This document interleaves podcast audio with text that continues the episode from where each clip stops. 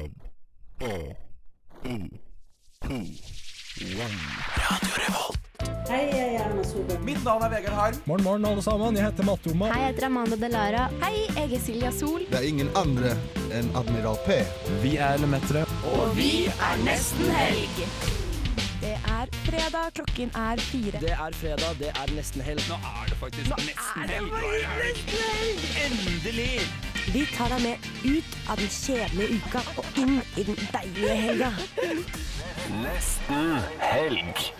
Hilset skal du være, ærede lytter, og velkommen til nesten helg. Mitt navn er Morten, og med meg i studio i dag har jeg Sondre. Nora og Marie. Um, I dag er det bare å spenne setebeltet jævlig godt fast, fordi det kommer til å gå unna Gunnar. Uh, vår uh, nye spalte, Studenten, er tilbake. Dere får servert en 'Hvor er de nå?' med en glemt person. Jeg er sikker på at de aller fleste vet hvem er likevel. Eh, dere får også høre et kjempeinteressant intervju med Derek Black, tidligere white supremacist KKG-fyr, som har klart å grave seg ut av suppa. Yes. Dere skal i hvert fall eh, høre hendelsen gjenfortalt, da. Uh, ja, nei, dere skal høre hennes dialekt fortalt, ja. Det er minst like kult. Minst like kult. Uh, ja. Uh, vi snakkes etter første låt. Her kommer Tøyen Holding med Grown Man Shit. Dette er Kari Bremnes, og du hører nå på Nesten helg. Vi er tilbake, og jeg lurer på, Sondre, hva har du gjort siden sist? Du, Siden sist så har jeg funnet ut av en ting. Oi. Ok, Først, uh, Ajax spiller en veldig dårlig kamp i går. Eh, Ikke snakk om det. Nei, det Eh, men uh, jeg har funnet ut av en ting, og det er at håndballmammaer er de farligste menneskene som finnes i hele verden. Og jeg tror nemlig at hvis håndballmammaer hadde vært og kjempet i krigen i Ukraina, så hadde krigen vært ferdig nå. Ja, men jeg er helt enig. Altså, jeg var, redd, jeg var mye redd, reddere for de, håndball, de der crazy mødrene på tribunen Jeg husker når jeg spilte håndball eller basketball, da, Mm. enn det var for dem jeg faktisk spilte mot. De, Ja. er, de, de er et annet kaliber. For Ja. vi fikk nesten vi, Jeg havna i munnhuggeri med en, Ja, for du er en ganske fæl, du også, ikke sant? På Nei, jeg, men, ja, men jeg sitter bare og melder på folk når de, når de blir Når tatt de i en når, nei, når de blir tatt i en duell, så sier jeg 'hun legger seg jo ned'! Og så, Se for meg at du er en som roper ut, ja. ja, og, så, og så sier Så er det da en mor der som, eh, som da er Sverresborg-mor, som er de vi spilte mot, Nettopp. og hun sier 'med hånden rundt halsen', ja! Og, da, og, ordentlig aggressivt. Og istedenfor å begynne å krangle, så sier jeg 'ja, men da er vi enige, da'. Og, det, og, da, og, og da kunne hun ikke noe annet enn å begynne å le, altså, men de hadde blikka oss hele kampen fordi vi heide på utleira, og de heier på Sverresborg. Det er faktisk veldig gøy. Vet hva. Vi må ta lage videoreportasje der vi blir med Sondre på håndballkamper i utleierhallen. Det Altså, hadde vært ganske bra A day in the life of Sondre Bakker. Det Det er er til og med Du vil også litt ha det? Ja, men jeg vil, heller, jeg, vil heller, jeg vil ikke ha sånn day in the life, jeg vil ha en sånn eh, En epic sånn day in the life. Nei, sånn, Nei, dere, vet sånn, livestream. dere vet sånn Jeg heter ikke William-serien. Ja. Eller sånn, uh, sånn alle serier som er sånn Iskrigerne. Jeg vil ha en Iskrigerne-serie kun Ja. om meg. Bare, bare at det er en dokumentarteam som følger meg hele tiden. Jørgine-serien, bare Sondre Bakker. Basically, ja. Ja, Nora, hva har du gjort siden ja. sist? Eh, siden sist? Jo, det har skjedd ganske mye forskjellig. Men først må jeg jo bare ta opp eh, Trondheim Calling, som jeg var på. Altså sånn, Jeg hadde ikke så store forventninger, men shit for en bra eh, festival. Jeg ble helt sånn derre ah, Jeg følte bare sånn byen var litt i live. Jeg bare Ja, levde fett. skikkelig. Og det, var litt, det er litt sånn kult, fordi jeg hadde ikke skjønt helt hva konseptet var, men det er jo en bransjefestival, altså det er jo mest for musikkbransjen at de skal se litt på hverandre og mye sånn konferanser og ditt og datt. Og det bare gjorde at fest, eh, konsertene var så nice, for de var ganske kort publikum var der for å høre på musikken. Var kanskje ikke så eh, pågående som et eh, vanlig publikum. Da. Så man bare fikk så mye space. Og det var skikkelig mye kule artister som jeg bare eh, Ja. Så fett. Veldig bra. veldig bra Ja, for jeg, hører, sånn, jeg føler at man hører litt sånn miksa litt forskjellige ting om det faktum at Trondheim, Trondheim Trondheim. At Trondheim Calling er en sånn type bransjefestival. Da, at sånn, Ja, hva har du hørt? nei, jeg har hørt at, sånn, at det kan være veldig kult, men på noen konserter så er det også sånn publikummet står og liksom snakker. Uh, og det er litt sånn Ja. Folk uh, gikk helt oppmerksomhet til musikken, men det hørtes ut som at Det ikke var sånn, tilfellet nå, jeg var kanskje litt heldig med uh, de konsertene jeg var på, da. For der var i hvert fall helt sykt Ja. bra stemning. sykt. Feber, eh, som eh, går etter oss, Ja. eh, broadcasta litt en, en Ja, av de konsertene Mm. på sin eh, Insta-story. Og der kan dere se, han går Det er en veldig ung eh, rapper, da. Jeg tror han er typ sånn kanskje 19-20 år. Han går ned i publikum mens han rapper belte, og alle bare står og hopper rundt han. Jeg Er det han sånn Rambo han? Simen eh, oh, ja, Simen Steinklev. Yes. Yes. Oi, var, shit, jeg bare følte jeg var med i en musikkvideo. Å, herregud, så gøy. Utenom det så har det jo vært en eh, valentinsdag, og jeg har invitert et knippe mennesker på litt uh, slappe kondomer. Uh, aka, eh, eh, sommerruller. Så det var nice. Denne gangen uten uh, falukorv, men det var det jo faktisk. Vi gikk litt tom for kylling. Nei, det var, ja, det var falukorv. Ja.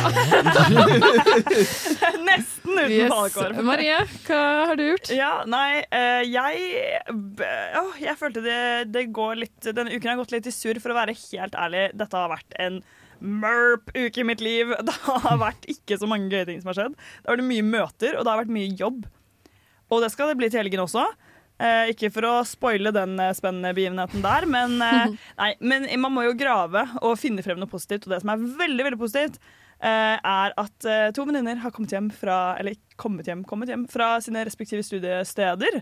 Eh, og de skal jeg møte etterpå i en bursdagsmiddag. Så de det er er på besøk, hyggelig. eller de er ferdig med å være borte? Nei, de, eh, de er eh, bare på besøk. Ja. Hun ene studerer Helen, deg. Hun studerer i Volda, journalistikk. Og så er det Pernille, som studerer design. Shout out Oslo. to- shout out to his family. Jeg tror jeg kjenner hun ikke. Hils Pernille. Da skal jeg hilse Pernille. Hyggelig. Men Morten, hva med deg? Eh, takk for at du spør. Jeg, på lørdag så var jeg på Det er litt morsomt fordi Morten må lese fra telefonen sin her nå. Hva, har jeg- gjort siden sist? Ja, hvis ikke jeg har ordspillene kommer ikke bare på løpende bånd, det- egentlig. har, Morten har skrevet ned alt han skal si, og så bare sier han det. Alle ordene som forlater denne munnen.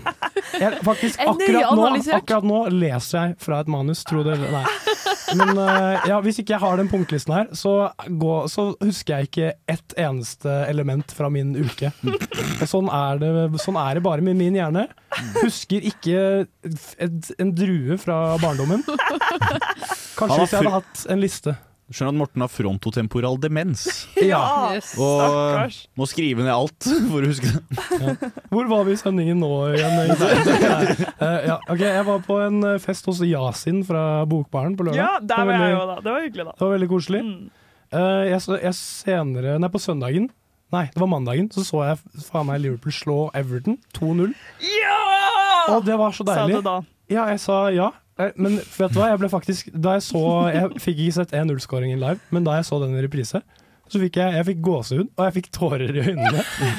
Og det er ikke Jeg misunner bare så sykt det å kunne få gåsehud av fotball. Altså, så Ja. enkel og så deilig Det er en så enkel og deilig og liksom. fantastisk følelse når Ja. det går bra. Og Liverpool har gjort det så jævlig dårlig i det siste. Så å bare se Liverpool grisebanke erkerivalene på Anfield Nei, Det fikk uh, pelsen til å stå rett opp og ned. Så masse at du altså. glemte en øving som uh, tikk, må tikkes inn klokka tolv Ja, den kvelden. det var jo noe som uh, var i kombinasjon med det her. Da, at jeg hadde en øving som jeg absolutt måtte bestå for å få bachelor i informatikk på normert tid.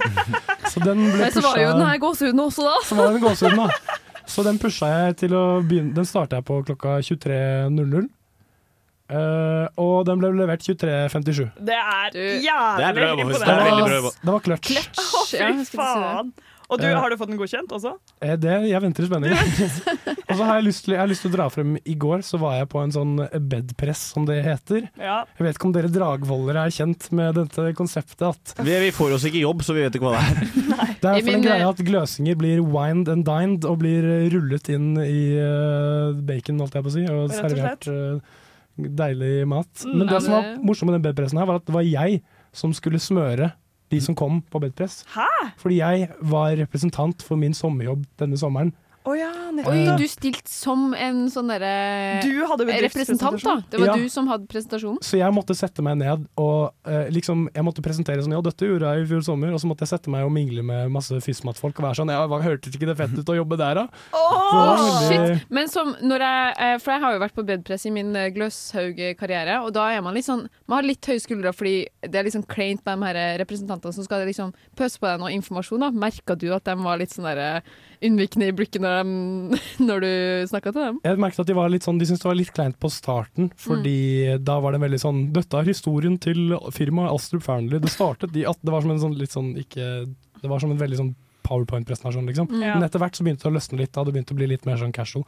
Så jeg følte at den bedpressen gikk ganske bra, at eh, de pill. likte det ganske greit. Men uh, ja, det var nok om min uke. Nå tenker jeg at vi skal høre en låt, og vi skal høre Lars Vaular med 'Highlights'. Jeg er Jonis Josef, og du hører på Nesten Helg.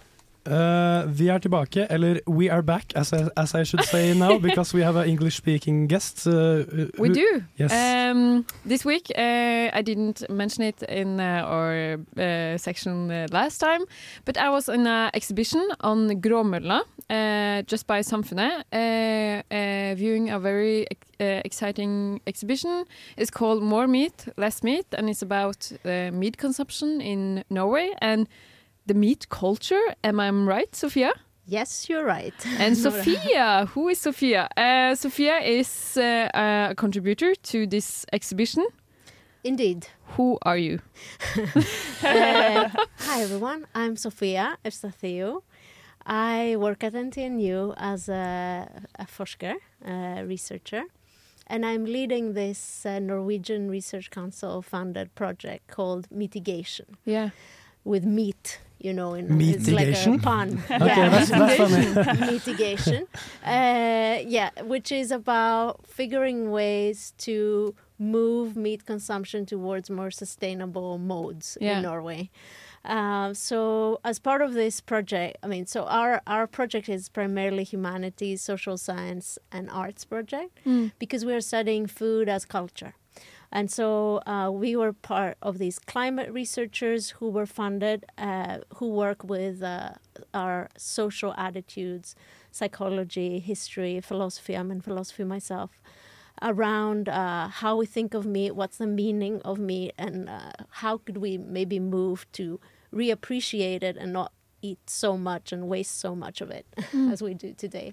Okay, so it's a very uh, a research-driven exhibition you have there, with very much. How would you say uh, tverrfaglig in English?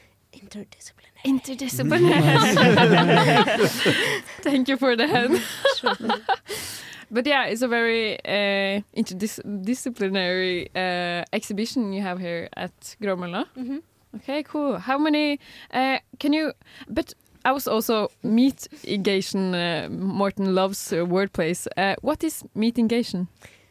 So the way we are approaching mitigation, uh, so you know about mitigation with an I, Yeah. and this is the idea that to mitigate climate change means to do our best to avoid it, Mm. to avoid this climate catastrophe. There's Mhm. mitigation and adaptation, which means adapting to the catastrophe. You know, Yeah, yeah, so yeah. uh, so mitigation for us uh, is thought of as ways of preventing uh, the heating of the planet and preventing CO2 emissions that are going to produce that effect uh, of uh, global heating and warming and catastrophes that are already Yeah, happening mhm. through meat. Yeah. So thinking about agriculture as a major impact on the planet, uh, Mm. as the impact it is, and rethinking our connections to food, our tastes, or you know the pleasure it gives us, and reimagining these connections to Yeah. our food and to animals specifically, Yeah. who Mhm. provide us with uh, this food. But it's quite a lot of stakeholders regarding all this. Stakeholders? Stakeho- Pun. He had to. He had to. who are the uh, but who are the contributors to this exhibition? Uh, so uh, several artists have uh, contributed, but primarily uh, the the effort was led. The lead curators were the Center for Genomic Astronomy. Okay. Uh, so this is uh, Kat, uh, Kat Kramer and Zach Denfield and Emma Conley, and um, also uh, the pop art group called Chicks on Speed, Yeah. who are Alex Murray Leslie and Melissa Logan, plus um, several collaborators. Okay. Cool. Cool. Mhm. Because yeah, what was what, what I was thinking before coming to this uh, exhibition, I was Mhm. thinking, yeah, it's obviously a need for a discussion about meat consumption, and it's absolutely are out there, but. Um, uh, and it's a very complex, uh, complex discussion. Mhm. Um, have you talked about which angle the exhibition has in this discussion? Well, our title already is a bit ambiguous. So you Yeah. know this more meat, less meat. Yeah. So I sometimes read it more meatless meat. Yeah. or you could you could say more meat, eat. Or uh, the, there's a sign outside if you walk outside Gromolna that's like flashing in alternating uh, sort of moments, and you have, you know, the first letter meat. Mm. It, uh, if you erase that, keep that blank, you get eat more meat. so you know, so Wordplay. so uh, of course our project is not uh, is exploring modes of recognizing animals and people who are making meat replacing where possible animal-based protein with plant-based or other lower climate uh, hoofprint Yeah. uh, alternatives and um, if possible refining how we use meat so we waste le- less and we match it to our needs and our nutritional needs versus our, Yeah. our desires I was very uh, interested. You had a talk before the Mm. exhibition, Yeah. uh, and especially about refining how we talk, uh, think about Yeah. meat. And it was like Mm. when you have a meatball, which is Mm. like crushed tarms, and you eat it. How? What is your like your meat, and what is the other meat, and what's your? it's, it's like a very fascinating thought, Mm. Maria. Do you have Yeah. anything to say? Yeah, I have a question because um, I think a lot of people know about the fact that the meat industry is very problematic and it causes a lot of suffering towards animals. And I think that most people are pretty aware of that, but still, meat is such a big part of our eating culture, especially here in Norway, maybe. mhm. Um, why do you think that is? Well, uh, this is not only a Norwegian phenomenon; it's a global phenomenon. Oh, this That's fine. It's fine. I thought it was mine. guest Who didn't mute her phone?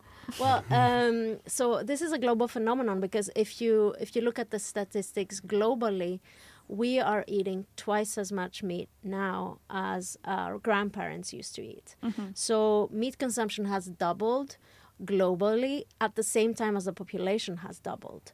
So actually the fact, you know, so you know, in total quadrupling of how much meat we're eating right now. And Yeah. and this is, you know, the effect is that you we uh, a lot of us are have been used to this uh, convenience, right? And the plenty of Mm. meat in our diets.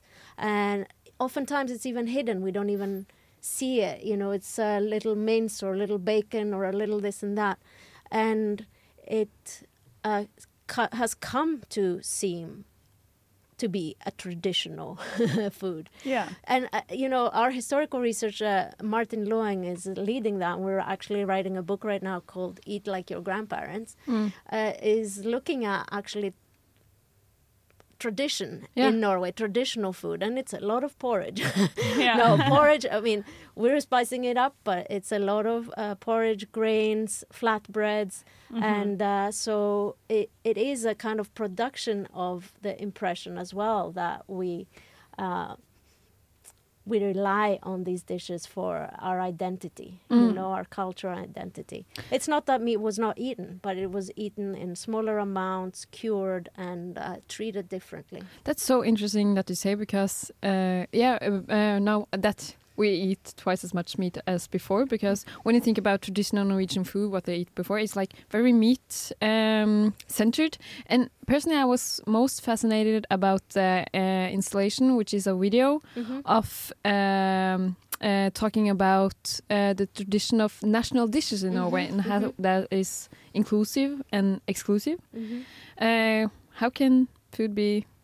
Yeah, we, Uh, Morten is uh, no, waving Nora, with his I'm sorry. hand. Um, I'm getting uh, a bit too talkative. Thank you so much for coming, but uh, we have no option uh, other than uh, to get it short here. this. But uh, thank you so much for coming. Okay, Now we will hear. Elias Jung with January Sky. Hei, det er Thomas Seltzer her. Du hører på Nesten Helg på Radio Revolt.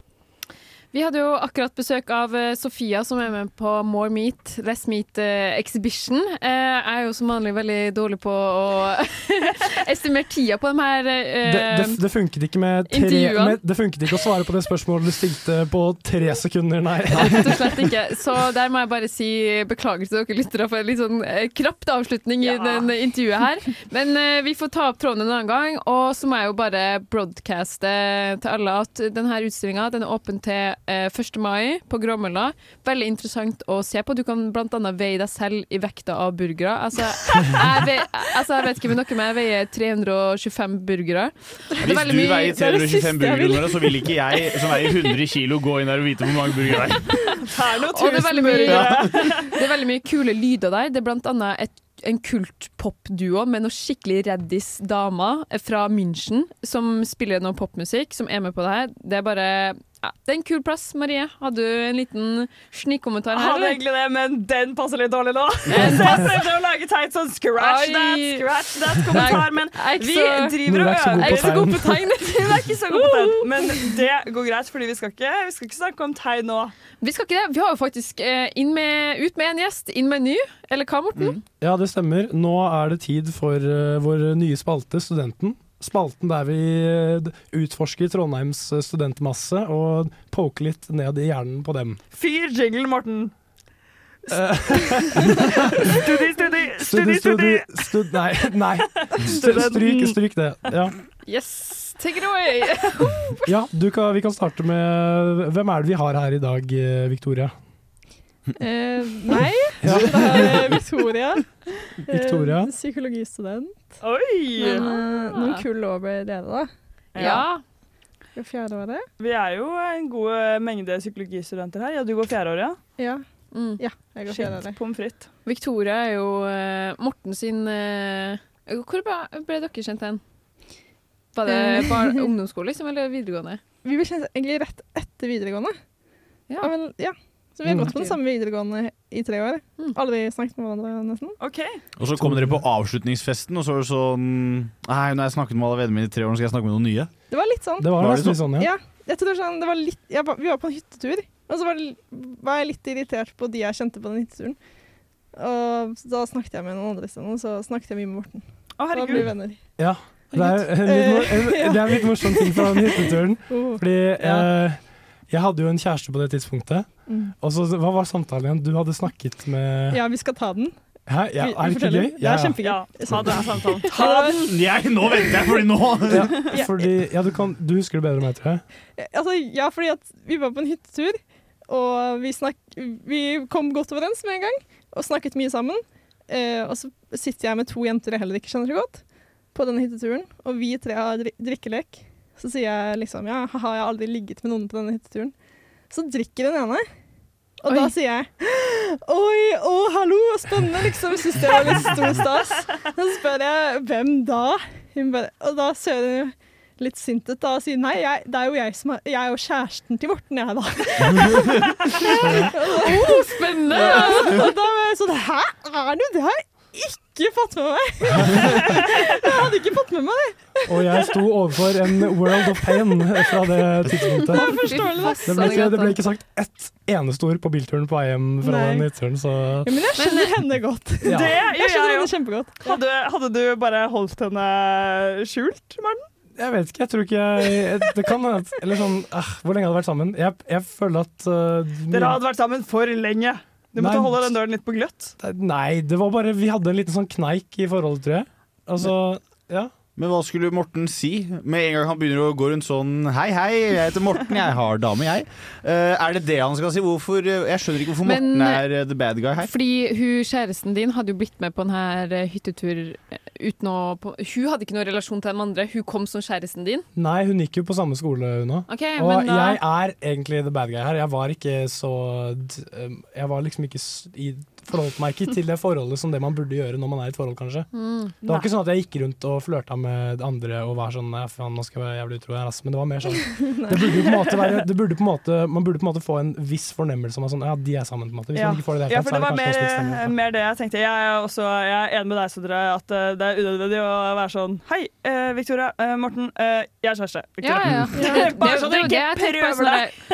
Hvorfor, ja, hvorfor jeg ble hun sint? Eh, Nei, men det er jo fordi det er, altså, Dette er masse videregående folk, de burde på en måte visst om det. Så man har jo faktisk gjort en Ja, innsats for at det ikke skal komme frem. sammen. Ja, man har gjort en innsats for at det ikke skal komme frem. Men nå, Og jeg var litt nå. over fra deg, Morten, Ja. til Ja. vår gjest. Victoria. Victoria. Ja. Du, Victoria, jeg går jo på andreåret på psykologi. Ja. Og det er jo eh, mye lesing og sånn, det. Men du går på fjerdeåret. Ja. Hva gjør dere da? Nå, eh, nå begynte studiet, da, dette semesteret, syns jeg. Yes, endelig. Eh, ja. Eh, vi har, nå gjør vi veldig mye, føler jeg. Så liksom Jeg skjønner ikke Før så føler jeg at jeg hadde tid til alt mulig rart. Mm. Hele tiden. Jeg vet ikke om dere føler det? Jo. Ja. Men eh, liker du det? Eh, ja, altså jeg liker det, men det er bare ikke nok timer i døgnet, på en måte. Mm. Okay. Så, kom, oh, ja. det, Det er det trengte ikke jeg å høre akkurat i dag. Nei. Jeg har ranta til Nora i hele dag om at «Åh, jeg har altfor mye å gjøre. Det er riktignok alt som ikke har med studiet å gjøre. da. Ja. Studiet er helt i siste rekken, men ja. fader Hva, rulla deg. hva er det som tar uh, all tiden, da? Eller hva er det som gjør at det tar så sykt lang tid? Plutselig så har vi forelesninger sånn seks timer om dagen, på en måte. Dæven. Og det, vi har jo ikke pleid å Eller vi, jeg trodde vi har hatt forelesning, men det har ikke vært obligatorisk. Så det er liksom, man kan ha De er obligatoriske. De er obligatoriske. Seks timer hver dag, pluss eh, åttetimersdager hvor vi har klinikk. Og da må man jo forberede seg til det, for da har man pasient. Og Ja, jeg skjøt jo et lite øye etter deg i forelesning i dag, blant annet, men da, Da så jeg skulka. ingenting til Victoria. Da, Ja, sant, ja. da var det lei av forelesning. Jeg sendte melding til Amalie i går sånn skal vi, skal skulke skolen og, og dra og buldre? For en deilig følelse. Ja. Skulke. Det er, eh, det er gøy med de ordene. Sånn, skal Ja. vi gjøre lekser? Ja, ja, Eller, eller skal vi skulke? Det er veldig nice. Men uh, du nevnte jo klinikk. Det er ikke Mm. sikkert alle lytterne våre vet helt hva det er. Har du lyst til å fortelle litt om det? Uh, ja. Uh, på fjerde året så begynner man med Så har man én pasient for første gang. Mm. Så jeg har barneklinikk nå. Og da sitter jeg faktisk og er psykolog, da. Shit. og det er, ja, det er liksom første erfaring med det. Herregud. Som, eh, det er litt skummelt og veldig spennende og veldig lærerikt. Og, ja. Men det, det tar veldig mye tid, og også på en måte det tar mye mm, kapasitet, liksom. Det er det, Mm. Plutselig så tenker man veldig mye på det. Mm. Gå fra å liksom ha null ansvar i livet til å plutselig ha ganske mye, da, føles det sånn. Ja. Jeg er litt sånn nysgjerrig på hvordan klassemiljøet på en måte blir påvirka av å ha veldig mye mer opplegg. da. Fordi man, det er jo, man må jo bruke mye mer eh, tid på skole, eh, arbeid, på en måte, mens nå kan vi luke litt mer. Men samtidig så blir man mer forplikta til å være på samme sted samme tid. Føler du at klassesammenholdet har blitt bedre Ja, på det er fint. psykologistudiet etter hvert? Liksom? Men vi blir jo delt òg, da. Så det er Ja. voksenklinikk og barneklinikk har veldig sånn hvert sitt uh, opplegg. Ja, ok. Mm. Men uh, ja, nei. Det er, det er gøy, men jeg, mener ikke at jeg blir sånn eh, i dårlig humør av å ha seks timers forelesning og sånn. Så Det kan jeg forstå. Sånn, jeg blir ikke, det kan hende at det er god stemning, men jeg sitter ofte med liksom, propper i ørene og musikk. Ja, for da er du sliten, liksom. Ja, trenger en pause. Du, det skjønner jeg. Jeg er faktisk letta for at du eh, sier at du blir sliten av det, og at det ikke er eh, dritgøy hele tiden, for det hadde gjort meg litt eh, hvem har sagt at klinikk er gøy hele tiden, da? Nei, nei jeg Det er gøy, da. Jeg mente egentlig forelesningene. Ja. Sånn, ja. På sam, men på samme måte som at eh, studiemiljøet til Victoria har blitt litt delt, så tror jeg at dette intervjuet her kan deles opp i to deler. Og det gjør vi gjennom å høre Ray Vaughan med Hei. 'Sandcastles'. Hei, dette er Fay Wiltagen, og du hører på Nesten Helg. Ja! Vi er tilbake, og ja Tidligere denne uka, hvis stemmer det, at det var valentinsdagen tidligere denne uka. Stemmer det? 13. Nei, 14. februar? Ja, Mm. det er kjærlighetens dag. Det var nå nylig. Alle hjerters dag eller noe, tror jeg den het på norsk. Det hadde jeg aldri hørt før før i år. Nei, det hørte jeg først nå. Ja. Så det jeg tenker er at vi kan, eh, vi kan eh, spørre Victoria litt. Hvordan, eh, hvordan gikk det på kjærlighetens dag? med- Hvordan feira du valentines? hvordan feira du kjærlighetens dag? Åh. Nei, em, jeg har datet en fyr lite grann.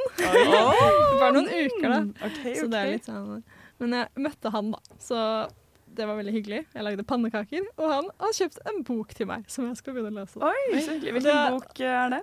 Det er en Var det sånn, eh, Tørnquiz volum tre? Det var eh, en The Game. eh, sånn Dostojevskij-bok. Men han vet at ikke jeg leser så mye, da. Så han kjøpte den eh, liksom, minste, tynneste boken av okay, han, som ok. han fortsatt mener var bra. Da, En men, eh, utgave med bilder og sånn. Dostojevskij for barn. Ja. Har du gitt deg ut på den, da? Det er jo liksom der, I kjærlighetens navn så gjør man jo mye som man eh, egentlig aldri hadde gidda gjort Sant. på, Ja. ellers, liksom. Som å jeg lese har gjort- Dostojevskij. Jeg har gjort mye Ja, fy faen. Jeg, jeg har gjort mye han, han har studert matte, Ja. Ja, nå... Har du satt deg ned og lært uh, Ja. derivasjon nå, du? Ja. Faktisk, skal imponere litt på Jeg kom, kom, kom på skolen og var helt utslitt. For nå har jeg sittet og prøvd å lære meg sånn der Euler's equation. Ja. Og jeg prøvde å høre på en Nietzsche på lydbok i min travle hverdag. Så jeg var helt utslitt før skolen. Jeg var sånn, Fy faen, hvorfor, hvorfor Det er så morsomt at som, når man er forelska, så skal man liksom legge seg opp i interessene til det man er litt interessert i. Mm. Det er veldig interessant. Men jeg syns det er litt sånn eksotisk også. Da får man litt sånn derre crashkurs i et eller annet Ja. som du aldri hadde kommet på å legge deg ut i, liksom. Ja, men jeg så dårlig samvittighet, fordi altså, vi snakker jo masse om psykologi. Fordi Ja. de fleste bryr seg jo litt om psykologi. Ja, det er jo litt mer, mm. Eller så er han høfligere enn meg. Ja. men også er det litt sånn ja ja, men nå må vi snakke om det du driver med da. Ja. Så, han sånn, ja, det er jo anvendt matematikk, da. Og jeg har liksom P2. Det er liksom ikke, det er liksom ikke like mye på folkemunnen, det, nei. Nei. Nei, så jeg må finne, finne ut hvordan jeg skal gjøre det. Men uh, kanskje jeg bare skal begynne på den Dostojevskij-boken, da. Det kan hende det er det som eh, må til. Hvis ikke, så kanskje dere kan uh, ta den litt lettbeinte veien og se en serie sammen. Som Ja, dere kan snakke om. ja, Mm. ja. Det, det kan også funke. Det er på agendaen. Begynne Da begynner jeg å tenke på sånn, Vi hadde jo singelklubben her i nesten helg før, der vi snakka litt om datingtips. Og som en student, hva, har du noen gode datingtips? Du er jo litt i, litt i datingfasen, kanskje? Eh, ja, altså Jeg føler jeg har datet litt. Men jeg, altså Hva jeg gjorde dere for eksempel første date, eller eh, Vi kan jeg tok spørre bare om det? noen eh, øl på lokalbar. Ja, men det er bra. En Også, sikker vinner. Ja, og så gikk vi inn og dansa på Nei, det er gøy! Og så, ja, nei, det var veldig hyggelig. Hallo, Og dans burde man jo egentlig bare gjøre mer. Men man må kanskje være litt, gang, liksom. være litt uh, Noen må jo være litt full da, for å kunne uh, Ja, danse, det- på en måte. Det var en god første date. Det har jeg ikke tenkt på, faktisk. Det var, det var faktisk veldig gøy. Og så var Danse på bare- første date. Det høres, eh, både første date og dansing, liksom. Det høres ut som veldig mange skumle ting på en gang. Men det høres utrolig hyggelig ut om daten er uh, Hvis man har dansa på første date, ja. da har man en god første Da Da, blir da det en god match, liksom. en føler date bare. nummer to. Jeg Ja. tror korrelasjonen mellom dansing på første date og date nummer It's to er. Men så som mye jeg, en høy korrelasjon kan være. men så jeg føler jeg har datet mye på Tinder. Ja. Men nå har jeg jo veldig Nå er jeg veldig fornøyd med Hinge, da. Fordi jeg lastet ned Hinge og møtte han her, og det Ja, med en gang. Og så nå tenker jeg at Hinge er helt fantastisk. Hinge har jeg aldri hørt om, på en måte. Det er appen, det, det er datingappen som er designet for å bli slettet. Ja, Mm. de sier så. Oi, Hva- det er slagordet, på en måte. Det er slagordet. Yes. Å ja, du sletter den fordi du ikke trenger den lenger. Nå, nå henger jeg med. Nå henger jeg med. Jeg må tenke meg om to runder Det er bra, det henger alle lytterne med. Ja, fordi Hinge det er vel litt sånn en datingapp hvor du på en måte også skal skrive litt om hvem du er og Ja. sånn, eller Ja. vil du, hva har du på din Hinge? Ja, det lurer jeg på. Hva hadde du, hvis du har slettet den? Eh, ja, jeg hadde jeg da? Jeg hadde den så kort, så jeg liksom rakk ikke å lage den. Jeg tenkte jeg skulle lage en sånn skikkelig kul og bra bruker, sånn. men det fikk jeg liksom aldri tid til. Hvordan var, hvordan var hans uh, profil, da? Åh, den var veldig bra. Var det noe Oilers Identity og uh, Maths og Nietzsche på den, eller? Eh, det var eh, Det var Ah, faen, så flaut. Jeg, jeg har datet han Jeg har datet han i sånn to uker. Snakker Ja, jeg da om må vi, masse. vi grave ut alt, så! Men snakker han norsk, da? Han snakker Ja, han snakker Skjønner han norsk? Ja, han, ja, for han er nederlandsk. Hvor i Nederland hvor i Nederland er han fra? Ja, Søskenbarnet til Sondre. oh, jeg, jeg husker ikke Eller er det Sondre? Han Ja. studerte på grø, Grøningen eller noe. Ja, Shit, OK, OK. 18.-plass i ligaen. Men ja, han snakker norsk, og han driver og lærer seg språk. Og han, han kan, kan mange språk, vet du. Han. ja, nå må Men- vi snakke om noe. Ja, For å peile oss litt om over på noe annet. Det, jeg skjønner det kan være intenst å snakke om den store kjærligheten to uker inn. Ja, to uker inn. Eh, Jeg skjønner det, jeg har forståelse for det. Men jeg lurer på et, eh, et spørsmål som jeg føler preger eh, oss alle studenter, er eh, tanken på fremtiden. Hvor er du om ti år? Eh, oi. Å, men jeg vil, ikke, jeg vil ikke ta stilling til det. Fordi da føler jeg at jeg kan låse meg, på en måte. Men kan jeg spørre om et litt mer enklere spørsmål? da? Ja. Kunne du bodd i Trondheim etter studietida di? Eh, ja, sikkert. Altså, jeg vil ikke si Men om ti år, liksom? Om ti Eh, år kunne du bodd i Trondheim da? Nei, det er jo veldig langt igjennom, men jeg føler, studiet, jeg blir bare så glad hver gang jeg hører det. Jeg føler det er en sånn folkemasse som bare Det er sånn rullebånd etter NTNU. Det er rett til Oslo, liksom. Ja. Det fins ikke unntak, Men nesten. Oslo er mye mer uhyggelig enn uh, Trondheim. Jeg, takk, jeg føler ja. meg mye sånn Ja, det er hyggeligere i Trondheim, altså. Men dere, ti år, det er en lang tid. Ja. Og dette intervjuet har også vart i lang tid. Så jeg tenker at vi runder av og hører en låt. Vi hører Ebony Riley med Deuce Deuce.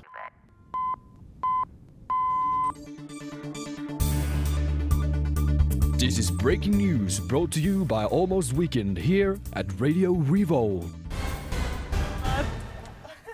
Og der lukket eh, Victoria døren, fordi nå har hun eh, dratt. Ja. En dør lukkes, men en annen dør åpnes. Den. Og den døra den heter Kjendisnytt. Hva er det du har, har til oss i dag, Nora? Du, i dag har jeg ehm, den, eh, en snakkis, da. Det er jo en snakkis om dagen om eh, si. Sofie Elise. Det har jo kokt litt på internett. Altså, sånn, den dama der er jo låk og flink på å markedsføre seg selv. Altså, sånn, Hun har jo vært på headerne av influensere i tiår, er det ikke det? Det er helt sykt. Men i hvert fall for dem som har eh, levd under en stein, da, eh, så har jo eh, Sofie Elise hun la ut en bilde av seg selv sammen med Nora Haukeland, som en annen influenser, som har vært kobla opp med det norske kongehus. Hun dater jo nemlig Er det kronprinsen? Nei, hun dater eh, Prinsen. Marius Prins. Borg Høiby, Mm. som Yes. er Mette-Marit sin sønn, som ikke er en del av kongehuset. Nei. Så han er, ikke, han er ikke prins heller. Nei, men der Jeg trodde er det det. godt vi har eh, kongehusekspert eh, Sondre Bakker med oss, Fordi det trodde Godt er jeg det. Men eh, godt det. Men det er jo i hvert fall en Men han er jo, er jo stesønnen til, eh, til, til eh, kronprins Haakon, så han er jo en del av kongefamilien uten, Ja. å, uten å ha en kongelig tittel. Så det her har jo med kongehuset å gjøre. Grunnen til at det var så stor støy med det bildet her, da, er jo at eh, eh, det ble, eh, det ble raskt tatt tatt ned, da. Og på bildet har nemlig Nora en liten, eh, lett, gjenkjennelig, gjennomsiktig liten pose, gjennomsiktig pose, ja, med noe hvitt innhold. Det Eh, er sikkert melis, tenkte man. Ja, men det, dette er på, jeg har lest om dette. Jeg skjønner at På kjendisfester så har de ofte brownies med alt det rare i. Og da er det litt fint å ha litt melis på toppen. Ja, men det, Fint å ha litt det er melis to go, rett og slett. Herregud, slapp Det var liksom. jo en lignende De har melis i brukerdose. En lignende, en lignende kommentar. Mats Hansen, da, fordi han hadde jo selvfølgelig vært en av de heldige som klarte å ta et screenshot av det her og reposta det. I, Mats i, kjent, I kjent stil, da. Er det litt salt de har med seg på byen? Ja, det er jo fort gjort at maten blir litt smakløs, eh, skriver han. Innlegget der blir jo også veldig raskt tatt ned, men min favorittkonto, eh, Nachspiel, har jo også fått med seg en liten screenshot av Mats Hansen sin innlegg igjen, og fikk eh, reposta det her. Eh, hvor det er veldig tydelig at de da Eller sånn, eh, mistanken er jo at det er kokain da de har i posen sin. Og eh, etterpå så legger Nachspiel ut eh, enda en screenshot av en DM de har fått fra Insta-kontoen Det norske kongehus. Som er verifisert. som er verifisert. Hvor de skriver 'ta ned bildet av Sofie Elise og Nora Haukeland umiddelbart'. Eh, eh, strek 'Det norske kongehus'. Og jeg bare syns det er så morsomt at eh, monarkiet Norge liksom skriver en DM til en jallabruker som eh, nachspiel, hvor de sier sånn her 'Her må det tas ned'. Som den strenge læreren som er sånn 'Dette får ikke dere lov å drive med'. Det er sånn vi spiller fotball på fotballbanen etter skoletid. Det Ja, er, hallo, det er du er ikke på jobb. Ja, ja, Nå er ikke du på jobb. Så sykt nerd av kongehuset. Det, Ja, men, det, men det jeg syns også er sykt, er jo at eh, Dagbladet og VG alle sammen Først så skrev de sånn eh, Sofie, Etter hvert så skrev de Sofie Elise og den andre kvinnen.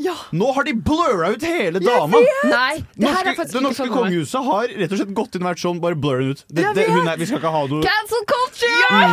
Men da blir jeg nesten litt sånn Oh my god, herregud, skal vi legge alt på Sofie Elise, liksom? Det faktisk er litt fint. Det er ikke, det er ikke Sofie Elise som Nora- holder posen. Nei, Nora Sofie Elise er bare fotograf. Mm. fotograf. Men jeg må også si en partypooping-ting. Jeg tror ikke det er sant, den meldingen fra det norske kongehuset.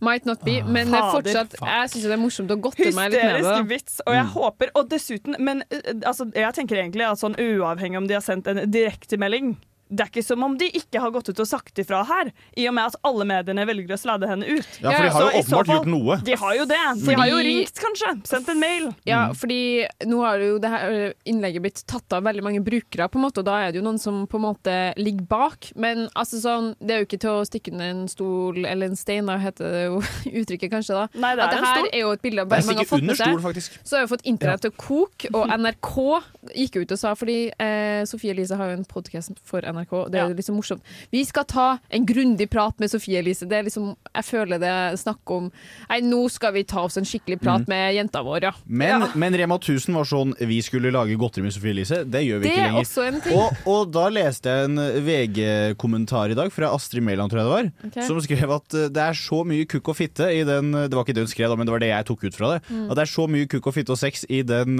podkasten hun har, at det at Rema 1000 mener at det er her de stopper når de skal lage smågodt til barn, yeah. er litt rart. Men hvorfor Sorry, det er bare for å spole tilbake. Hvorfor i all verden skulle Sofie Elise i utgangspunktet være med å lage godteri? Jeg skulle også Jeg vet da faen! Jeg skjønner ikke hvorfor hun skulle være med å lage godteri. Altså, okay. Kan vi ikke la Freia godteri blir det, lage liksom? godteri, liksom? Blir det sånn derre eh, uten fett, sukker Altså, jeg, Jeg tror det skulle være noe vegansk pissgreier. Altså det er noe ekle Å, ja, er Med en gang jeg hører vegansk, kjøper ikke. Men det som også er litt morsomt, er at til og med altså sånn, Sofie Elise får jo ting til å koke. Altså bare navnet her. Det er jo Mm. sikkert derfor, også litt derfor Nora Haukeland forsvinner litt inn i debatten her, da. Men alt, hun får jo bare verden til å koke. Til og med Jørgine. Den, jeg føler jeg tar hun som en veldig sånn derre hva heter det når du ikke har så mye ansiktsmyk? Usminka. Hun, er veldig- hun er veldig flat dame, Ja. føler jeg, i følelseslivet. Til og med hun kaster seg inn i denne debatten og bare Nei, det er hodeløst. Nei, det er jo veldig det er Det er det der. Sofie Elise får verden til å koke. Det er Yes. helt riktig, Nora. Du får sagt det. Hun er litt, eh, hun er litt selvopptatt. Er ikke hun hun det, er litt Morten? egoistisk. Nei, men jaggu. Vi skal høre Slow Tie med Selfish. Hei, jeg er Erna Solberg, og du hører på neste helg. Det stemmer, Erna. Du Ja. hører på Nesten Helg. Og Marie, nå er det jo duket for en ny spalte. Ja. Ser jeg her i stendeplanen. Arkivet. Har du lyst til å pitche den? Det, jeg har lyst til å pitche den spalten. Altså, det, jeg vet ikke om eh, den kommer til å ende opp med det navnet, men vi får se. Eh, tanken er egentlig at jeg har browsa en del på nettet, det er jo noe vi gjør i forbindelse med dette programmet. Og veldig ofte så dukker det opp sånne gamle artikler som skreves i sånn 2005 og sånn, som på en måte ikke føles så lenge siden. Det er jo liksom i vår levetid. Men når man leser de, så er det bare sånn Oi, oi, oi, oi! oi. Gjerne også hvis man går inn på nett sånn at eh, liksom måten den er strukturert på, også ikke passer inn på en nettside. det er sant. Den har bare blitt helt Ja, Den blir helt ødelagt i, i teknologiens utvikling. Det er veldig sant. Så den uh, artikkelen vi skal snuse på i dag, den har jeg valgt å på en måte uh, kverne om til en type quiz. Uh, overskriften på artikkelen den er skrevet i Nettavisen, og overskriften er 'Her er guttetypene'. Som vi alle vet, det er ikke så mange forskjellige typer man mannfolk der ute. Så har du runda, runda ca. ti stykk, da har du runda alle. Eh, det For de som- første ti, det må alle vite at de første ti du møter, er vidt forskjellige folk. Etter det så er det samme dritten. Men de første ti, de første ti uavhengig av om det er i slekt eller om de kjenner hverandre, helt, helt forskjellige typer. Ja, det er sant. Nei, så nå, her er det altså noen ulike typer. Jeg vil eh, ha navnet på typen fra dere, rett og slett. Jeg leser okay. beskrivelsen. Dette her er den første. Dette er gutten som vi jenter faller lett for på byen. Han er selvsikker, kjekk, gir de riktige komplimentene og får deg til å føle deg bra. I hvert fall for en kveld. Dette er typen som har alt, både utseendemessig og når det gjelder personlighet. Men det perfekte gjelder bare ved de, første samtalene. Når alt kommer til alt, er han ikke av den intelligente typen, og i hvert fall ikke ute etter noe mer enn en flørt eller en het natt. Jeg har et spørsmål. Ja. Vi skal komme med navnet. Ja. Er det Terje? Nei! Nei. Stockholm. Nå, eh, Mufi, mufi. Jeg har et forslag. Ja, du kan kjøre Nei, først. du kan kjøre først, Morten. Ja, okay, fordi uh, dette er 2005, var det ikke? Uh, yes, dette her var 2006, faktisk. 2006. Ok, Mm. Da har jeg lyst til å kalle han fyren her for Rundbrenneren. For jeg, det jeg lurer på om de har gjort, er uh, at de har tatt uh, eksempel at den her er Barney Stinson. Dette er, oh. Dette er Barney Stinson-typen. Det er også et jævlig godt Ja. forslag, egentlig. OK, du, du går for det? Jeg går for Barney Stinson-typen. Riktig svar, det er bad guy. Oh. I'm the bad guy, sier Ja, den ja. personen. Ja. Vi skal over til en annen person. Hvis du finner en type med forkjærlighet for dette ordet er litt avslørende, så det sier jeg ikke. For Mm. denne musikksjangeren kan du banne på at han nok helt sikkert vil like å drikke øl, og som regel er et sosialt vesen. Men han kan også være sær, for han liker ikke å henge med for streite folk, og vil helst at du skal passe inn i hans sfære. Faller du for en av disse, er du nok ikke så streit du heller.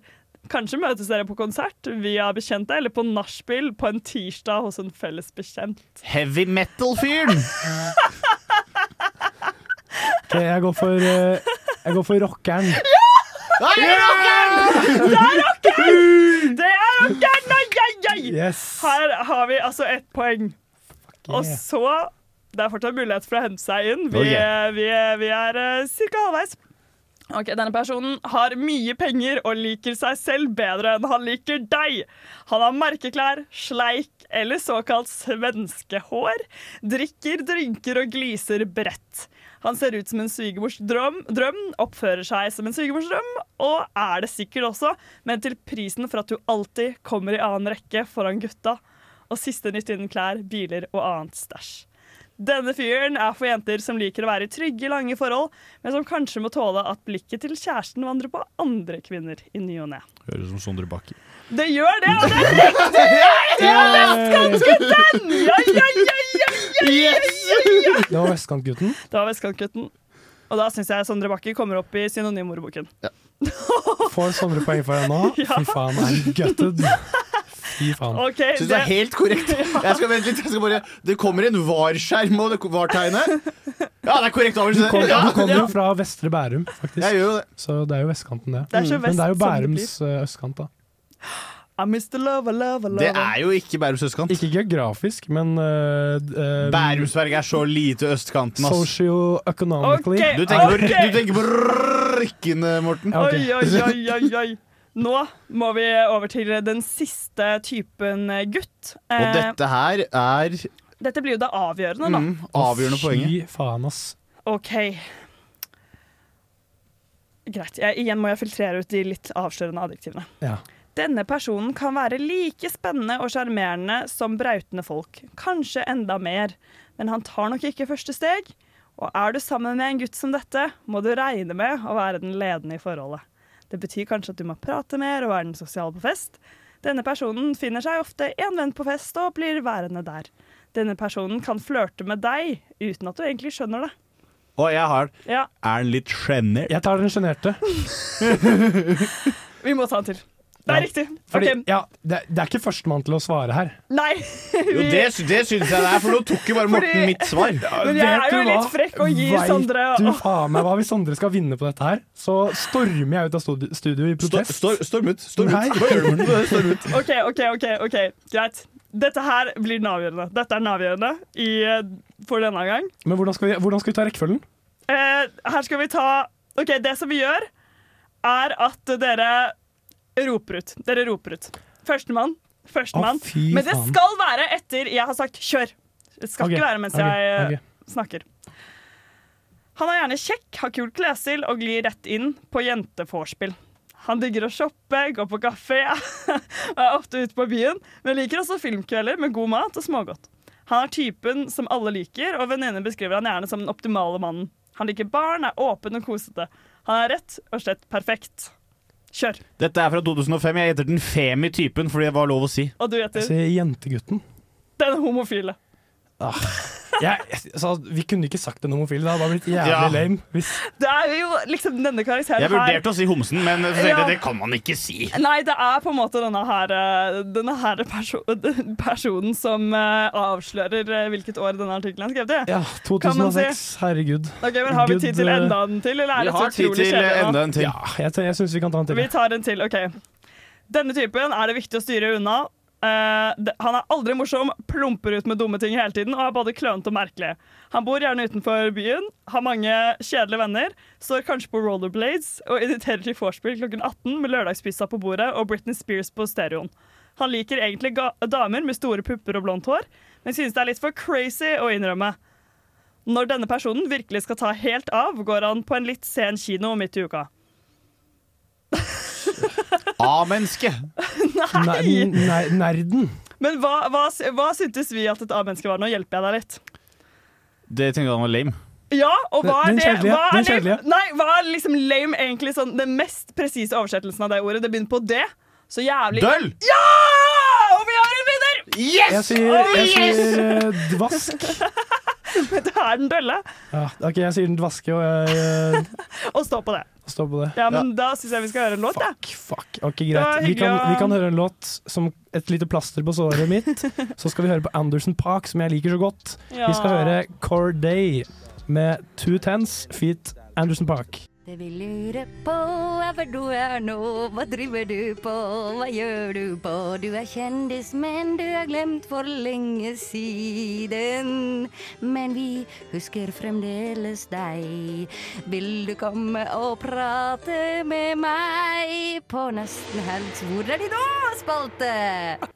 Ja, jeg må bare si jeg har gått rundt i studio her som eh, Didier Drogba etter Champions League-finalen i 2000. Hva var det? Den kampen hvor de var så misfornøyde med dommeren. 2008, semifinalen mot Barcelona. Tom Henning Øvrebø var, var dommeren. Sant det. Siste, ja, men det var siste kamp Tom Henning Øvrebø dømte på toppnivå. Ja. Og så vil jeg bare melde at jeg gjettet eh, en til guttetype i, eh, mellom låt her. Han gjorde det rett etterpå. Der kunne, hadde jeg gått for Streitingen, så hadde seieren blitt uh, Mortensen. Ja, Mm. så jeg er meget bitter, men vi skal peile oss inn på det den spalten her handler om. Hvor er de nå?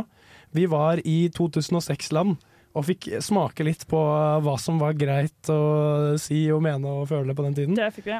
Og jeg tenker at vi skal fortsette Vi skal tilbake i tid, men ikke like langt som 2006. Vi skal til ca. 2010 og snakke om Ray William Johnson. Eh, ja, jeg er sikker på at de fleste kanskje Nå driver Marie og lusker rundt, og jeg klarer ikke å fokusere her.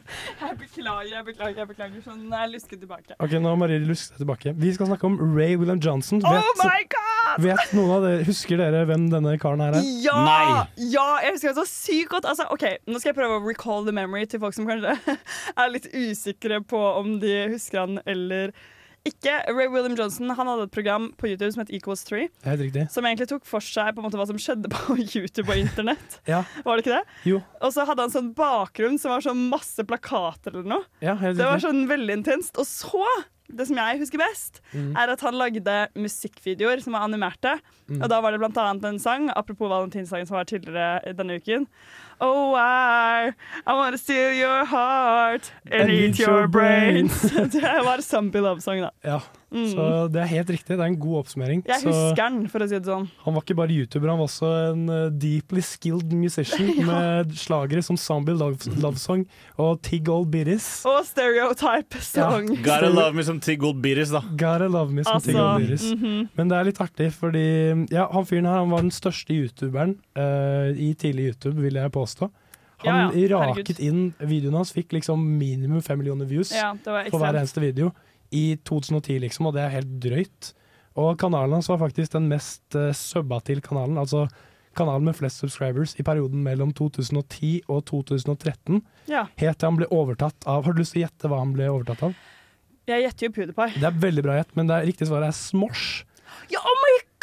Smosh! Nå bare kommer minnet på løpende bånd her. Jeg var en så YouTube-jente.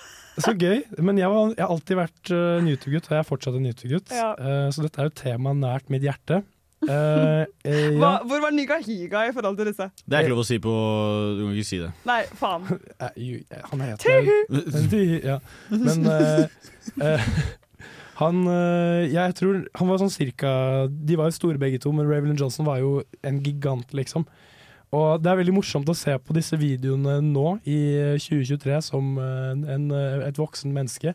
Fordi mye av det innholdet er sånn Det er et ekstremt eh, kjipt, og han er han, som, Det er så sykt mye mobbing, liksom. Jeg vet, hvor, Hvordan sykt- så vi igjennom dette? ja, det er så sykt mye kvinnefiendtlighet. Han, han, han er sånn Han kaller Han, han er sånn Oh, this dumb bitch. This Det er liksom word. Hver eneste episode er han sånn Fy faen, this fat fucking something. Ja, det er sånn, jævlig så Nei, men sa, sa han disse tingene? Jeg har et utdrag her. Det er en video med en sånn dame som danser på bordet, og så knuser det bordet, og så sier han sånn um, uh, The thing that is funny uh, is that even though she's not really that fat, from this point on, her, her friends will refer to her as a, that stupid bitch that got drunk and did the percolator on the table.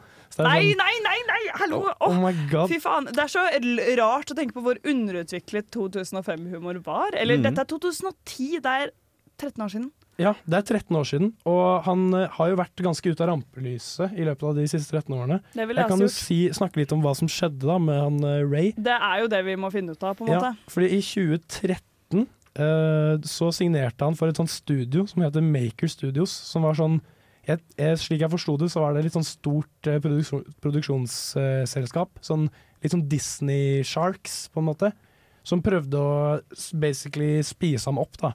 De ville ha liksom veldig mye av hans uh, intellektuelle eiendom og ad revenue, og det Ja, Uh, jeg, faktisk så tweeta Ravelin Johnson i 2012 uh, en melding han fikk av CEO, CEO-en til dette studioet, hvor CEO-en skriver eh, Your lack of eh, integrity. Faktisk skrevet You are lack of integrity. Så den klassiske skrivefeilen. Jeg tar det på nytt.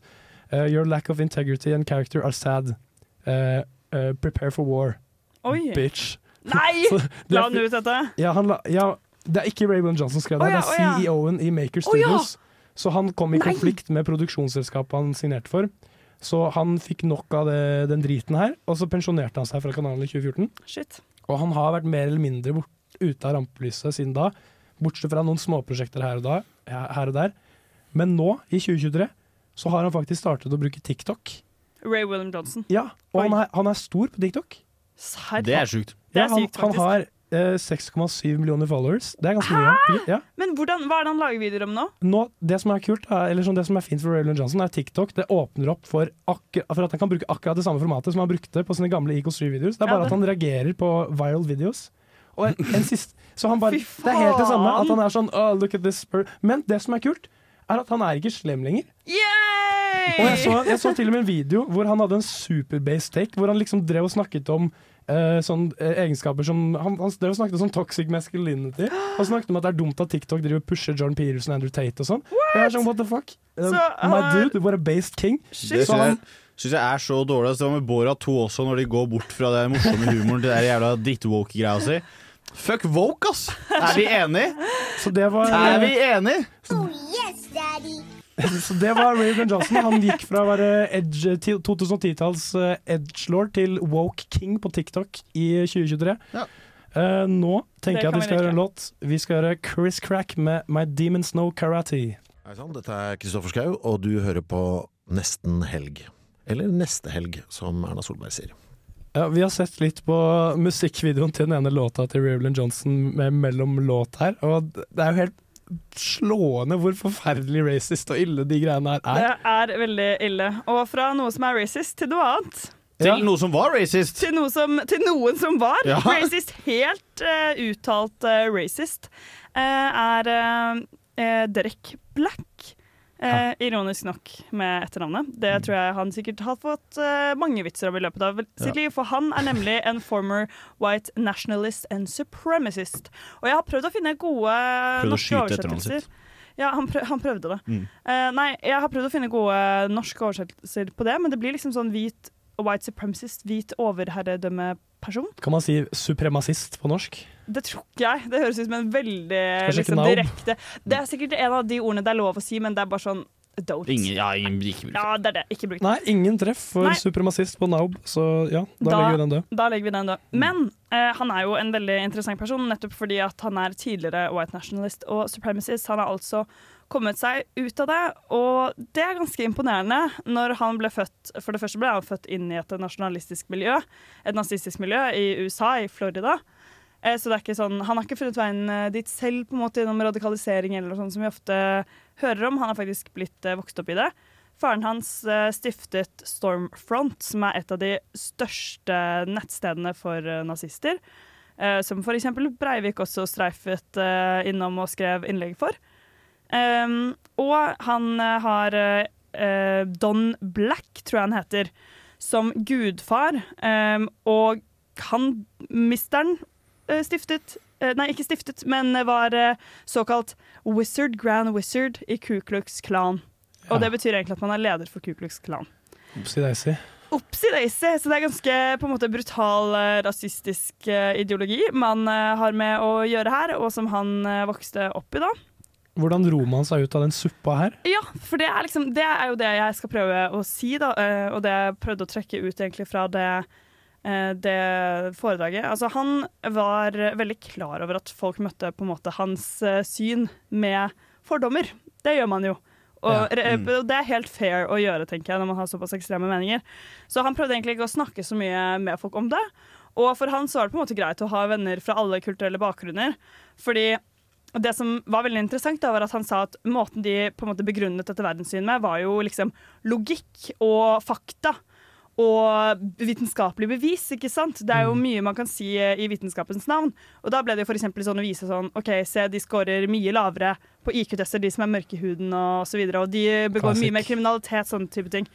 Eh, nei, for han så skulle det rett og slett litt eh, kjærlighet eh, til for å komme seg ut av det. Det var litt det jeg trakk ut av det, i hvert fall. Ja. Han, møtte, han var med på en sånn der sabbat eh, hver eh, uke, hvor de satt og spiste sammen. Det er jo også litt eh, ironisk, på en måte. Det sa han selv, fordi nettopp uh, jødehatet er veldig fundamentalt for nazistisk ideologi. Mhm. Eh, men ingen av de var j- jøder da, eller i hvert fall ikke så mange. Men det var bare for å møtes, og han kom på disse, og der snakker de aldri om hans syn.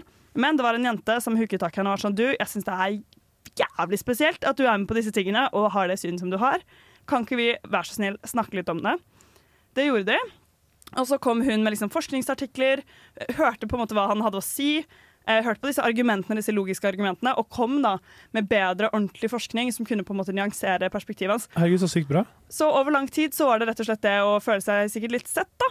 Og faktisk få presentert noe informasjon som ikke var så jævlig wack, og bli forelsket i denne dama da, som eh, presenterte denne informasjonen foran for han. Som eh, var det som gjorde at han fant veien ut. Tenk, tenk hva som skjer med menn når de blir kåte. Det er Det var- That's the moral of the story. Det var kjærligheten som fikk Derek Black ut av hatet. Vet du hva? En rørende historie. Make racists horny and they will stop. That's right. Vi skal høre ASAP Brocky med Same Problems. Broke up with me over the phone in 25 seconds. We accept the love we think we deserve. You can't be a whore all your life, man. Nesten helg singelklubb. Yes, nå er det tid for uh, singelklubben, tenkte jeg. Singelklubben? Singel, singelknulle. Sa jeg, sa jeg singelknubben? Ja, det gjorde du. Det var det rart, i hvert fall. Morten du skal ut og knubbe litt. Ut og knubbe. Ja, hva Skal vi ta status på gjengen, da? Vi kan starte med Marie. Det er jo, ikke den, det er jo den kjedeligste statusen. Det er den kjedeligste. Statusen er stabil. Fortsatt i det forholdet jeg var i sist, og det går veldig bra. Så bra. Statusen er stabil her òg. Tils tilstanden er stabil. Tilstanden er stabil. Tilstanden er stabil. Og hva, hva betyr det? Det betyr at eh, jeg er uh, singel. Ok, ja, Men det har vært litt opp og ned hos deg, har ikke det det? Har den vært så stabil? stabil? Nei, den går litt til venstre. Eller hva spør du om nå? Ja, den går litt til Ja, venstre. du òg? Ja, Ja, det er min ja. det var det. Morten, åssen går det med deg? Ja, det går ja, det er samme som deg, tydeligvis. så singel, singel pringel her. Ikke så mye Det er ganske, ganske dødt. Se for deg eh, en amerikansk prærie og en sånn liten sånn støvklump som blåser. Uh, still Ja, ja, fredig sånn- over eh, Ja, sånn ja, Mm. litt, litt sånn, da. Ja, litt sånn. Ja. Men det var jo faktisk valentinsdag tidligere denne uken. Hvordan feira du den, Morten? Mm. Ja, den gikk eh, Den bare passerte uten så Nei, vet du hva, jeg spiste jo Jeg spiste jo falukorv eh, sånn Det eh, er sant. Hva heter det Om, slimete posen? omtrukket med rispapir, også kalt eh, kondom. Ja. Vår, nei, ikke vårrull. Sommerrull Sommerrull, med falukorv. Jeg spiste det hos Nora med noen andre folk. Det var veldig koselig. Men jeg føler ikke at vi markerte valentinsdagen så veldig, bortsett fra at de spiste melkehjerter fra Freia. Nei. Men uh, jeg hadde egentlig Jeg har egentlig en liten høne å plukke med valentinsdagen. Ja, OK. Fordi jeg tenker Er ikke det Medfører valentinsdagen mer positivt enn negativt, sånn egentlig? Men er det ikke også Singles Awareness Day? For det var det jeg hørte noen Var det jeg leste noen omtale det som? Det Ja, er er faktisk det? awareness? Ja. Hva er single awareness day, Sondre? Nei, det er, det er på Valentine's Day, da. Å ja. At du bare blir aware of the people blir- who are single. At du blir skrekkelig klar over at du er Mm. singel selv? Ja, for det syns jeg heller ikke hørtes ut som en hyggelig dag. Nei, ingen awareness det er hyggelig. Nei. Det er liksom ikke det. Nei, altså eh, Ja, eh, du, spørsmålet ditt er jo om det bringer mer godt med seg enn eh, Ja, en vondt, vi kan starte med bringer det, bringer det noe godt med seg? du Altså- som er i et forhold, du Ja. som ikke er Hva ga du til Jakob, og hva ga han til deg? Jo, det vil jeg faktisk gjerne svare på. Altså, Mm. egentlig, så jeg på en måte, Sånn som veldig mange andre, så er jeg litt sånn imot Valentine's Day. Ja, liksom, så jeg bare ga meg selv. Økonomiske årsaker. Ja, det var nesten litt sånn. Det var det, sånn, det, sånn. det var litt en unnskyldning. Fordi det som skjedde, var egentlig at uh, det var vel 2. februar eller noe sånt, en, eh, litt, en dag litt lenger tidligere i februar, så sender Roxana fra Nerdeprat meg et bilde av noen crocs med Pokémon på. Masse Pokémon. Og jeg har jo crocs, som dere vet, som jeg liker veldig godt. Veldig komfor komfortable sko, og faen meg eh, har det blitt trendy også. Ja. Ikke dårlig. Eh, hun sender meg disse skoene, og jeg er bare sånn Oh my god, de må jeg gi! Til min kjæreste, som er en gamer og liker eh, den slags ting. Eh, og de koster jo 600 kroner, og jeg var sånn fuck, det er liksom Da er jeg jævlig snill! Hvis jeg bare plutselig kjøper en gave til 600 kroner, sånn dette er ikke noe han kan venne seg til, da tenkte jeg at jeg bare sier at dette har med valentinsdag å gjøre. Eh, og så sa jeg at den kostet 600 kroner, jeg ønsker meg denne parfymen. Hvis du vil lette på din samvittighet over å få den gaven. Okay. Så da fikk jeg den. Men for å svare på spørsmålet ditt mm, Ja. Da brukte jeg jo mer Valentine som en unnskyldning, men jeg er ikke sånn veldig opptatt av den eh, dagen. Eh, Jeg føler det er jo først og fremst et eh, litt sånn kapitalistisk initiativ hvor man bruker veldig mye penger på bamser og sånne små duppedingser som man ikke trenger. også Ja, fordi, men jula er jo også det. på en måte Alle høytider er det. Men det som er Mm. spesielt med valentinsdagen, Jo, er på en måte at den legger opp til at man liksom skal kjøpe Sånn sånne ting med røde detaljer og hjerteformet sjokolade og sånn. Og det, er bare sånn, eh, det er bare litt lame, på en måte. det er det jeg mener. Det er ting du Men seriøst du ikke får bruk for. en. Du ga jo en litt sånn personalisert gave til Jakob, som Ja. var litt kul, liksom. Du, var, du gikk liksom ikke i den klassiske eh, Valentine's-ruta. Mm. Fordi er, jeg tror det er det jeg har noe problem med. Eh, som, jeg tenker For det første så får du jo veldig mange single folk er liksom fuck Valentine's Day-dagen. Mm. Eh, det her er jo litt eh, kjipt. Ja. Og det er litt synd at eh, i, på en dag som liksom skal feire kjærligheten, så får ikke en veldig stor del av befolkningen delta. Mm. Eh, så jeg syns egentlig det har vært en mye koseligere og holdsom ting hvis Valentine's-dagen kunne vært Eller va val Valentinsdagen Valentinsdagen kunne vært en dag hvor man bare feiret liksom kjærligheten generelt, kanskje. Hvor Ja. man kanskje var oppfordret til å være ekstra hyggelig med eh, de rundt seg som man setter pris på, uavhengig om det er liksom eh, partneren din eller ikke. Mm. Fordi det tar meg videre til liksom det neste punktet med Valentine's Day som jeg ikke er helt happy med. Og det er at jeg føler at det er, det bygger eh, Det er liksom basert på den fortellingen som jeg føler vi har i kulturen vår. Litt sterkere i USA enn i Norge, men vi har jo elementer av det i Norge også. På en måte fortellingen om at sånn ja ja, så lenge du har en kjæreste, så er alt i livet ditt bra. På en måte sånn as long as you love me, liksom. Så kan vi være hjemløse. Så bare, da tenker jeg, vet du hva, Justin Bieber, hold kjeft. Det er ikke sant. Og det legger ekstremt mye press på eh, et, en parforholdsrelasjon. Og for det andre så er det jo eller sånn, det er liksom ikke, Du kan ikke legge alle eggene dine i en kurv som har Hvor mange er det som skiller seg, eh, liksom? Det er, 50 ja, ikke sant, altså Ca. 50% Skal du virkelig Skal det liksom være kilden til all din psykologiske velvære, liksom? Et, et, eh, en, skal du legge eggene dine i den kurven, som 50% av tiden har et svært gapende hull i bunnen?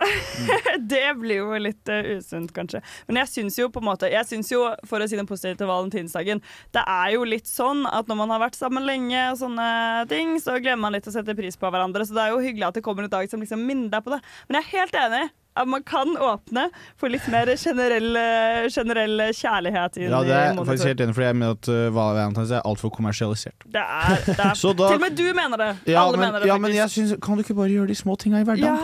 Ja, jo, men jeg er helt enig. Ja, ikke sant? Og på en dag hvor du på en måte forventes av deg at du skal gjøre den ekstra romantiske tingen, hvor er, er, blir ikke det litt sånn vannet ut? Blir ikke den saften litt svak da, på en måte? Når det er sånn Jeg føler at enten så innfrir du et minimum, minimumet, eller så er det dårlig stemning, på en måte. Eller det er Ja. kanskje Ja. Jeg er enig, og så føler jeg jo også faktisk at det er jo sykt mye mer romantisk, bare liksom for å få ned siste ord her, sykt mye mer romantisk å få en bukett med roser, da, om det er det, på en, altså en, en eh, hverdag hvor du minst ventet det, enn på valentinsdagen.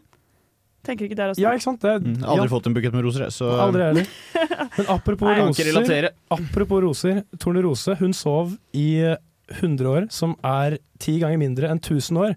Og vi skal høre en låt som heter 'Tusen år av Jørgen Engebrett. Jeg blir litt paff når til og med puppene er kjøpt på kreditt. Nesten helgs sparetips. Vi er tilbake, og det er tid for Og vi har eh, tenkt oss gjennom taket. Vi har tenkt oss gjennom taket. Oi, har vi Det har vi. Det var bra rim. Det er tid for For sparetips. sparetips. EM, VM er glemt, og EM er vårt. Hæ? Bakrusen er borte for godt. Oi, oi, oi, her Oi. kommer rimene bare på løpende mål. Speten. Men jeg er fattig som en liten lus. Ja. Og Sondre, du, du må komme til unnsetning. Ja, jeg har jo eh, tatt eh, rollen da som skrur meg kukk igjen, og går inn og skal hjelpe dere. Takk. Eh, veldig, det blir korthet i dag. Hvis dere går inn på Meny, da. Jeg, okay. jeg handler brødet mitt på Meny. Brødet Eh, ditt? Ja. Ja, det er veldig bra brød på Meny. Veldig bra brød. Jeg Mm. kjøper Jacobsbrød. Oh, deilig. Til 50 kroner. Å ja, det er så dyrt! 50 kroner er mye penger, men Mm. de selger også kneip til sånn 8,90. Ja. Men det er, Fra ikke, det er ikke Jacobs kneip. Nei, det er First Price-kneip. Ja. Så, men det du gjør, er at du tar uh, First Price-kneipen ut av posen, Nei, Sondre! og så tar du Jacobs uh, brød, Jacobs kornbrød, ut av posen, og så bytter du om. Sondre Bakker! Og så eh, tar du gjennom brødmaskinen og skjærer opp sånn, og så putter du en liten pose, og så går du og betaler for det, og så er du ute av butikken. Jeg må spørre, ha, Har du faktisk gjort dette, eller har det bare vært en tanke? Eh, dette har ikke jeg gjort fordi eh, akkurat For du trenger ikke. Jeg trenger ikke. Jeg er fra Bærum. Eh, og akkurat med det Jakobsbrød også, så er det i en gjennomsiktig pose, og da ser man veldig fort at det er ikke et kornbrød. Eh, det er kneippbrød som er jævlig tørt. Eh, men gjør det med annet brød. For eksempel eh, hverdags, hverdagsgrovt er jævlig billig, da, men andre. Uh, uh, Funkygine sitt brød. Ja. Uh, proteinbrød kan du gjøre det med. Mm. Seterbrød, eller de posene er litt små, da, men alle disse brødene, så kan du bare gå og ta Det er ut brødet inn i annen pose. Det er jo faktisk ikke så dumt. Jeg Vet hva, jeg, fikk, jeg fikk en idé. Ja. Du vet at på, på butikken så er det sånn der brødskjæringsmaskin. Jeg foreslår at man tar De posene er litt store, ikke sant, brødposene. Mm. Så du kan egentlig bare ta tre brød av samme type. Ta og Skjær opp alle tre brødene, og så bare kjøper du et jævlig langt brød. Hvilken butikk er det du går til, Morten, som har uh, pose som nå holder til tre brød? Nei, men det, er- det er jo neste sted. Du tar med lange lange poser på butikken. Du tar med søppelsekker. Ja, Så går du ut av Meny med et brød på sånn tre meter og bare sånn Ja, ja, det er Nå skal det faen meg A spises. win is a win. Går du i, går du i selvscan da, eller går du i vanlig kasse? Da hadde jeg gått i selskapet, tror jeg. Tror det hadde vært lurt, jeg.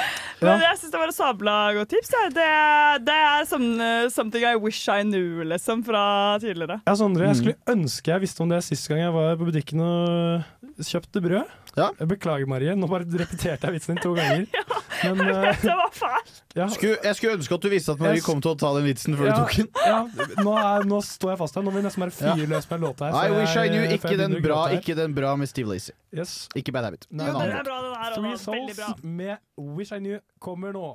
Mitt navn er Bare Egil. Du hører på Radio Revolt på internettmaskinen din. Det stemmer. Du hører på Radio Revolt. Hva sa du, Sondre? Det er nesten ikke noen andre steder å høre det på, sa jeg. Det er nesten ikke noen andre steder å høre på. En liten FM-radio hvis du har i bilen. Ja, jeg lurer på hva skal du til helgen, Marie? Takk eh, for at du spør, eh, Morten. Eh, I kveld så skal jeg på en liten bursdagsmiddag som blir veldig hyggelig. Det er to venninner fra eh, Ja, egentlig fra ungdomsskolen, men helt tilbake til barneskolen, som er på besøk i Trondheim nå, som jeg nevnte tidligere. Så jeg skal møte dem, spise middag, og så skal jeg prøve å komme meg hjem tidlig. Jeg håper seriøst jeg får det til. Fordi i morgen har jeg tidlig vært på jobb. Da må jeg opp klokken seks. Apropos oh, forrige episode. Um, og da, eller da var det den før der. Anyways, jeg må stå opp tidlig. Det er så dritt å ha sovet liksom fem timer eller mindre.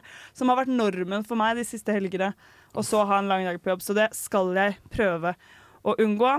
Eh, og så eh, etter, eh, eh, etter morgendagen, holdt jeg på å si, etter arbeidsdagen i morgen, hvis jeg overlever, så skal jeg på fuzz-sjakk. Altså dette sjakket som blir om til en rave, som vi har hatt om tidligere her på Nesten Helg. Mm. Mm. Hva med deg, Sondre? Du, jeg i denne helgen så skal jeg jo selvfølgelig trene litt. Jeg er en forkjemper for uh, helsa. Ok, men du, vi må stille deg et spørsmål. Fordi Mm. vi hører mye om denne treningen din, men hva, hva trener du nå om dagen, for? Eh, jeg har uh, tre dager med kondisjon og tre dager med styrke. Og så har jeg en hviledag. I dag er hviledagen min. Fredager er hviledagen min. Åh, deilig. Og i morgen så er det I morgen så er det løping. Problemet mitt er bare at jeg har fått en liten skade i akillesen min som Nei. gjør at det gjør vondt når jeg går. Så da får vi se hvor lenge det holder i morgen. kanskje sykling?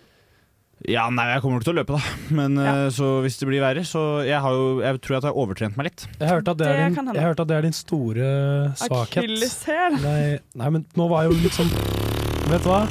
Nå var jo vitsen Nå var, Det var nå, min, det var min hevn. ja, ok, nå, for nå, har begge, nå har begge vi to klart å dra hverandre ned på bånden av uh, The Mariana Trench her, humormessig. Ja, Så det er bra. det. Vi spiller hverandre dårlig. Ja. Nei, så det er eh, Jeg, har jo, jeg er litt uh, sånn bekymra for at jeg kanskje har blitt overtrent. Så det jeg gjør, er at jeg trener bare enda mer. Enda mer. Ja. Eh, og så er det jo da I morgen så skal jeg til Jeg skal ut og se Leeds-kamp med Håkon Eriksen. Håkon Eriksens favorittlag er jo Leeds, og Brage, da, Han Ja, folk. Men eh, jeg vil også bare beklage til Håkon Eriksen at jeg kalte han alkoholiker i forrige sending, for det er han tydeligvis ikke. Han bare blir en annen person når han drikker. Skal vi slåss, Håkon, i morgen? Eh, for i morgen så skal jeg også på hjemmefest til Håkon. Oi, oi, oi. På Ila, bare å komme alle som har lyst. Så det blir en eh, artig helg, og selvfølgelig da fyllesjuk på søndagen og Ajax mot Sparta. Det Som jeg må streame, fordi jævla Viaplay viser det ikke. Morten, hva skal du? Uh, jeg skal uh, på en middag på lørdag med noen uh, venner fra videregående. Så det blir cozy. Så kanskje det blir litt førstsjakk på oss Det er utover lov å kvelden håpe. nå. Det er lov å håpe. Ja, det Blir det noe jo- som den hytteturen du var på? Hva sånn da? Blir det noe som den hytteturen du var på, som vi fikk høre om tidligere i dag? Hæ? Callback til da Victoria var her, men bare fortsett. Du, eh, ja, ikke ta den. Ja, jeg, jeg, jeg, som sagt, det er, ikke på, det er ikke på lista mi, så jeg har glemt det. ja, og så skal jeg se Newcastle mot Liverpool på lørdag også. Det blir jo dritspennende. Se om den gode formen vi viser mot Everton eh, bærer over i neste kamp. Det får vi bare håpe. Krysser fingrene for det. Mm. Ja. Men uh, dere, nå tenker jeg egentlig at vi bare sier uh, let's uh, Nei, get ready to rumble, som de sier. Fordi nå er det Fred igjen, og Skrillex og Flowdown som skal servere dere Rumble. Hallo, hallo. Jeg heter Tore Sagen, og du hører på Nesten helg. Du hører på Nesten Helg, men ikke så lenge Eller sånn, det er ikke så lenge igjen av den sendingen her å høre på Nesten Helg, dessverre. Nei, men Kan vi avslutte med et kjapt spørsmål? Mm. Mener, de, mener dere at det er helg på fredag? Eller Ja. begynner det på lørdag? Det er helg mye på fredag. Så egentlig bør vi ha sendinger på torsdager. Ja, men jeg har Nei, fordi, nei, fordi helgen, helgen begynner jo ikke fredag klokka 08.00, liksom. Nei, for den begynner, liksom, den begynner jo nå. Den begynner nå. Ja. For meg så begynner helga 19.00 på fredag. Ja, men det er Ja, faktisk sant. ja, stemmer egentlig for 19.00 på fredag. Ja, enig. Men den hadde, begynt, den hadde begynt 17.00 hvis jeg ikke hadde vært her og hatt liksom arbeidsoppgaver og ting jeg måtte gjøre. Åh, det er så deilig. Den Mm. følelsen å gå inn på en fredag og bare slenge seg i sofaen. Fy faen. Hæ, var det med vilje? Hæ? Ja, det er veldig deilig å slenge seg i sofaen på en fredag, Marie. Og bare leve livet som en lazy queen. Fordi vi skal høre Uh, nei, nei, faen, det er ikke sånn avslutningen fungerer. Vi Nei, skal vi si skal god si noe. helg. det gjenstår bare å si Faen, men det var så morsomt at du la opp den så rett over nettet på meg. god layup, Nå liksom. spilte vi hverandre gode her, men nå dessverre så er det slutten av sendingen. Så da er det ikke sånn vi innleder låtene. Vi sier i stedet God helg!